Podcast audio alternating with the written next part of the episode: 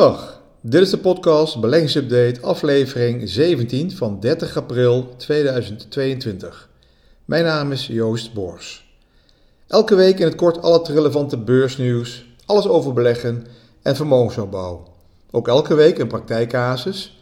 Deze week meer over de defensieve sector consumentenbasis. Ja, verleden week vrijdagavond was het een slechte dag voor de Amerikaanse beurzen. De angst dat de Amerikaanse centrale bank, de Fed, de rente snel zal verhogen en daarmee de Amerikaanse economie in een recessie duwt, overheerste vrijdag de stemming. De Amerikaanse SP 500-index ging toen ongeveer zo'n 3% omlaag, de slechtste dag sinds 7 maart. De Nasdaq ging bijna 2,6% omlaag en de Dow Jones Industrial ook zo'n 2,8%. Door de daling van de vrijdag ervoor en het lagere begin van deze week in Azië en China. Het betekent eigenlijk een slechte maandag voor de Europese beurzen. Dit ondanks de opluchting van de verkiezingswinst van Macron. Hij mag weer vijf jaar president zijn van, van Frankrijk. Ja, in China verwacht men een lagere groei door de harde lockdowns vanwege corona. En deze duren nu iets langer dan men had verwacht. Hierdoor dalen wel de energieprijzen en dat zou weer gunstig kunnen zijn voor inflatiecijfers. Olie daalt zo net iets onder de 100. De Europese beurzen begonnen de week uh, wel zwak, deze week, de afgelopen week, en daalden gemiddeld zo'n 2%. De AX sloot maandag onder de 700, om daarna dinsdag weer eventjes erboven te kruipen, maar dat hield bij het slot geen stand. We doken er weer onder. Woensdag gingen we er ook even overheen, toen weer eronder. Dit blijft zo doorgaan tot alle bedrijfscijfers geweest zijn. En in de eerste week van mei de centrale bank de eerste renteverhoging heeft doorgevoerd. Nou, uh, Elon Musk die koopt ondertussen Twitter, heeft toestemming voor gekregen en heeft de financiering rond. Dus aandelen Twitter verdwijnen van de beurs. En nu nog wachten op Apple of ze geïnteresseerd zijn uh, in Netflix. Nou, dit aandeel is bijna 70% lager dan het hoogste punt in 2021.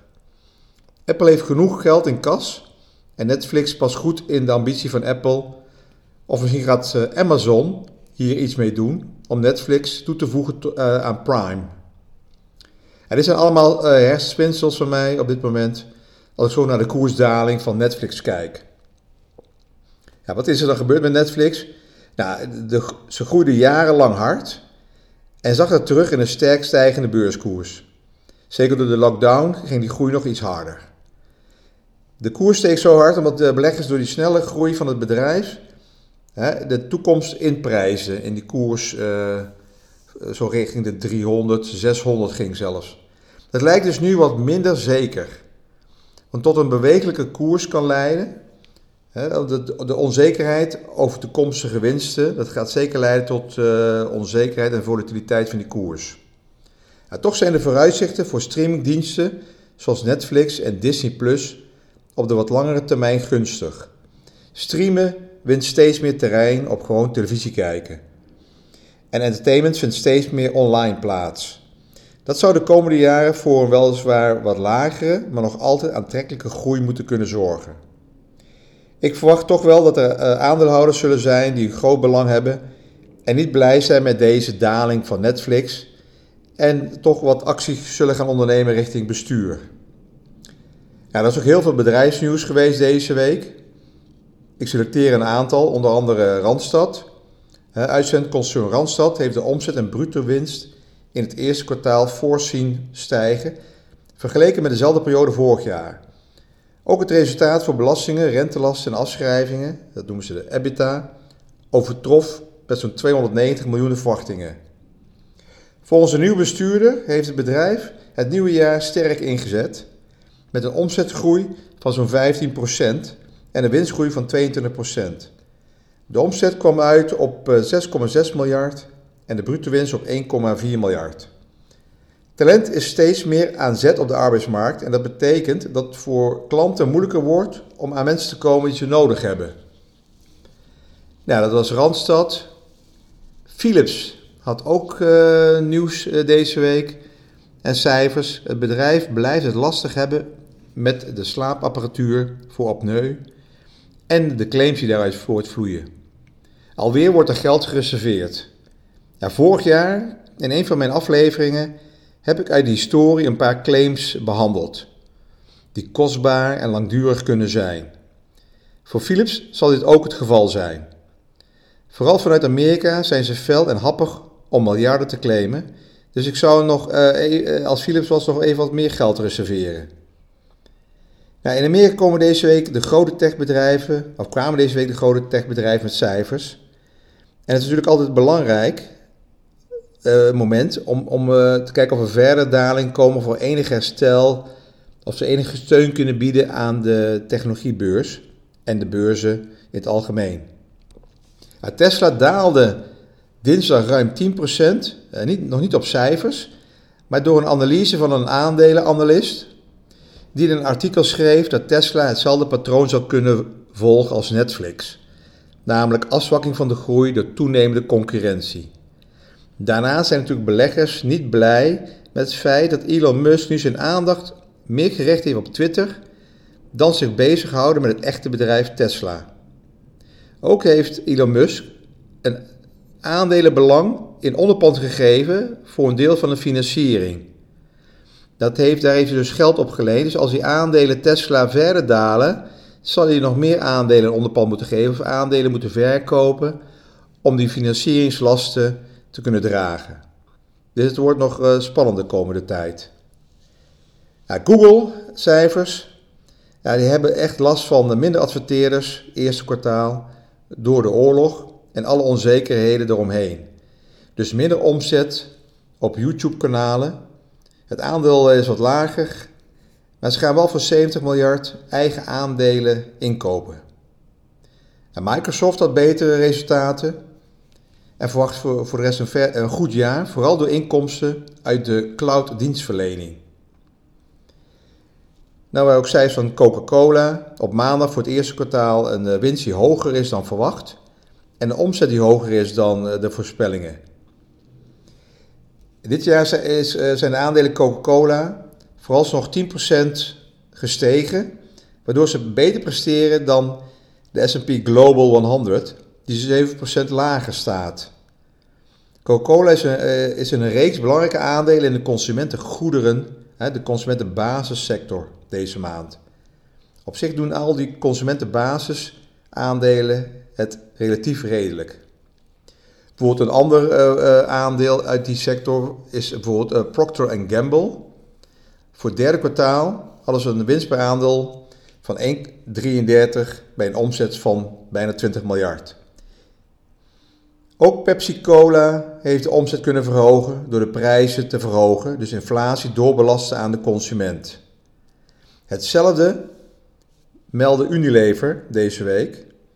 Deze cijfers van Unilever waren redelijk. Unilever verwacht wel dat de rest van het jaar uitdagend zal zijn vanwege de prijsdruk. Bij Unilever zit er ook nog een activistische belegger die een eh, klein belang heeft. En eh, die vindt dat het bestuur iets agressiever moet zijn in het snijden van uh, minder winstgevende, minder uh, hard groeiende onderdelen en meer moet focussen op de onderdelen die wel groei in zich hebben. Dus meer groei en meer winstgevendheid dus. De aandelen uit de sector consumentenbasis doen het dus relatief goed. Dit is meestal het geval in tijden van onrust. Het klinkt raar, maar ook in slechte beurzen moet er toch geld belegd worden. Door vermogensbeheerders, banken, pensioenfondsen en particulieren. Om toch het risico wat te verlagen, spreiden ze het vermogen iets meer, dus gaat het iets groter belang, naar defensieve sectoren zoals consumentenbasis. Andere eh, defensieve sectoren worden vaak genoemd, dat zijn de energiesector en uh, utiliteitsbedrijven. Kijk maar naar het Duitse bedrijf, energiebedrijf, utiliteitsbedrijf RWE. In de AX zie je hiervan iets terug bij eh, Ahold, Unilever, Heineken en Shell. Nou, terugkomen we die sector consumentenbasis of consumer staples, zoals ze dan in Amerika heten. De term consumer staples verwijst naar een reeks essentiële producten die de consumenten worden gebruikt. Deze categorie omvat zaken als voedingsmiddelen, drank, huishoudelijke artikelen en hygiëneproducten. maar ook tabak hoort erbij. Deze goederen zijn die, die, producten eigenlijk die mensen niet in staat zijn of niet bereid zijn om uit hun budget te snijden, ongeacht hun financiële situatie. Consumptiegoederen worden beschouwd als niet cyclisch, wat betekent dat er altijd vraag naar is, het hele jaar door, ongeacht hoe goed de economie presteert of niet presteert. Als zodanig zijn consumentengoederen ongevoelig voor de conjunctuurcycli. Ook hebben mensen de neiging om consumentenproducten op een relatief constant niveau te eisen, ongeacht hun prijs. Basisaandelen van consumenten vertegenwoordigen bedrijven die niet cyclisch zijn, omdat ze goederen of diensten produceren of verkopen waar altijd vraag naar is. Gekenmerkt door een gestage, zij het uh, weinig spectaculaire groei. Kijk maar naar Unilever, het groeit niet echt hard, maar het is elk jaar wel een groei. Is de consumentengoederensector een toevluchtsoord voor beleggers in recessietijden. Consumentenaandelen kunnen een goede optie zijn voor beleggers die op zoek zijn naar constante, een consistente groei solide dividenden, en dat is wel belangrijk, ze geven altijd wel een dividend. En ze hebben een lage beweging, lage volatiliteit. Consumentenbasis of staples, daar moet je echter niet verwarren met consumenten duurzaam of consumer discretionary. Dat is een hele andere sector. Deze, eh, deze laatste sector, dus consumer discretionary, bestaat ook uit bedrijven die zich meer richten op de consument maar het zijn niet de essentiële eerste levensbehoeftes. De discretionary sector voor consumenten is een van de elf sectoren van de aandelenmarkt. En deze bedrijven omvatten eh, producten en diensten die de consumenten misschien wel willen, maar niet per se nodig hebben. Zo vallen bijvoorbeeld uh, kleding, high-end kleding, uh, televisies, uh, vakanties, sportartikelen, onder deze categorie. Consumenten kopen deze niet-essentiële goederen of diensten meestal wanneer ze vertrouwen hebben in hun financiën en als hun besteedbaar inkomen hoog is of als ze geld over hebben. Dus eh, consumentenaandelen uit de sector eh, duurzaam of discretionary stijgen dus tijdens een robuuste economie. Maar beleggers moeten op hun hoede zijn tijdens een recessie want het eerste waar consumenten dan op bezuinigen, zijn er dus op duurzame producten, als een nieuwe televisie, op vakantie gaan, nieuwe sportartikelen. Want dat zijn dus eigenlijk niet essentiële levensbehoeftes, primaire levensbehoeftes. En, en de neiging om deze uitgaven dus als eerste te verminderen. Dus mocht je toch willen beleggen, of moeten beleggen, dat kijken naar pensioenfondsen of vermogensbeheerders, dan kan je starten met de defensieve sector consumentenbasis. Hiervan zijn er genoeg beleggingsfondsen en of indextrekkers, of hè, zogenaamde ETS, van aanwezig. dus denk eraan die uh, consumentenbasis of consumer staples. Dat zijn uh, trage groei. Vaak vinden mensen ze niet sexy genoeg. Hè. Er zijn geen spectaculaire stijgers. Maar ze laten wel een constante stijging zien gedurende lange termijn. Ze geven altijd een bepaald dividendrendement. Vaak ook nog een uh, interessant dividendrendement. En ze zijn minder bewegelijk.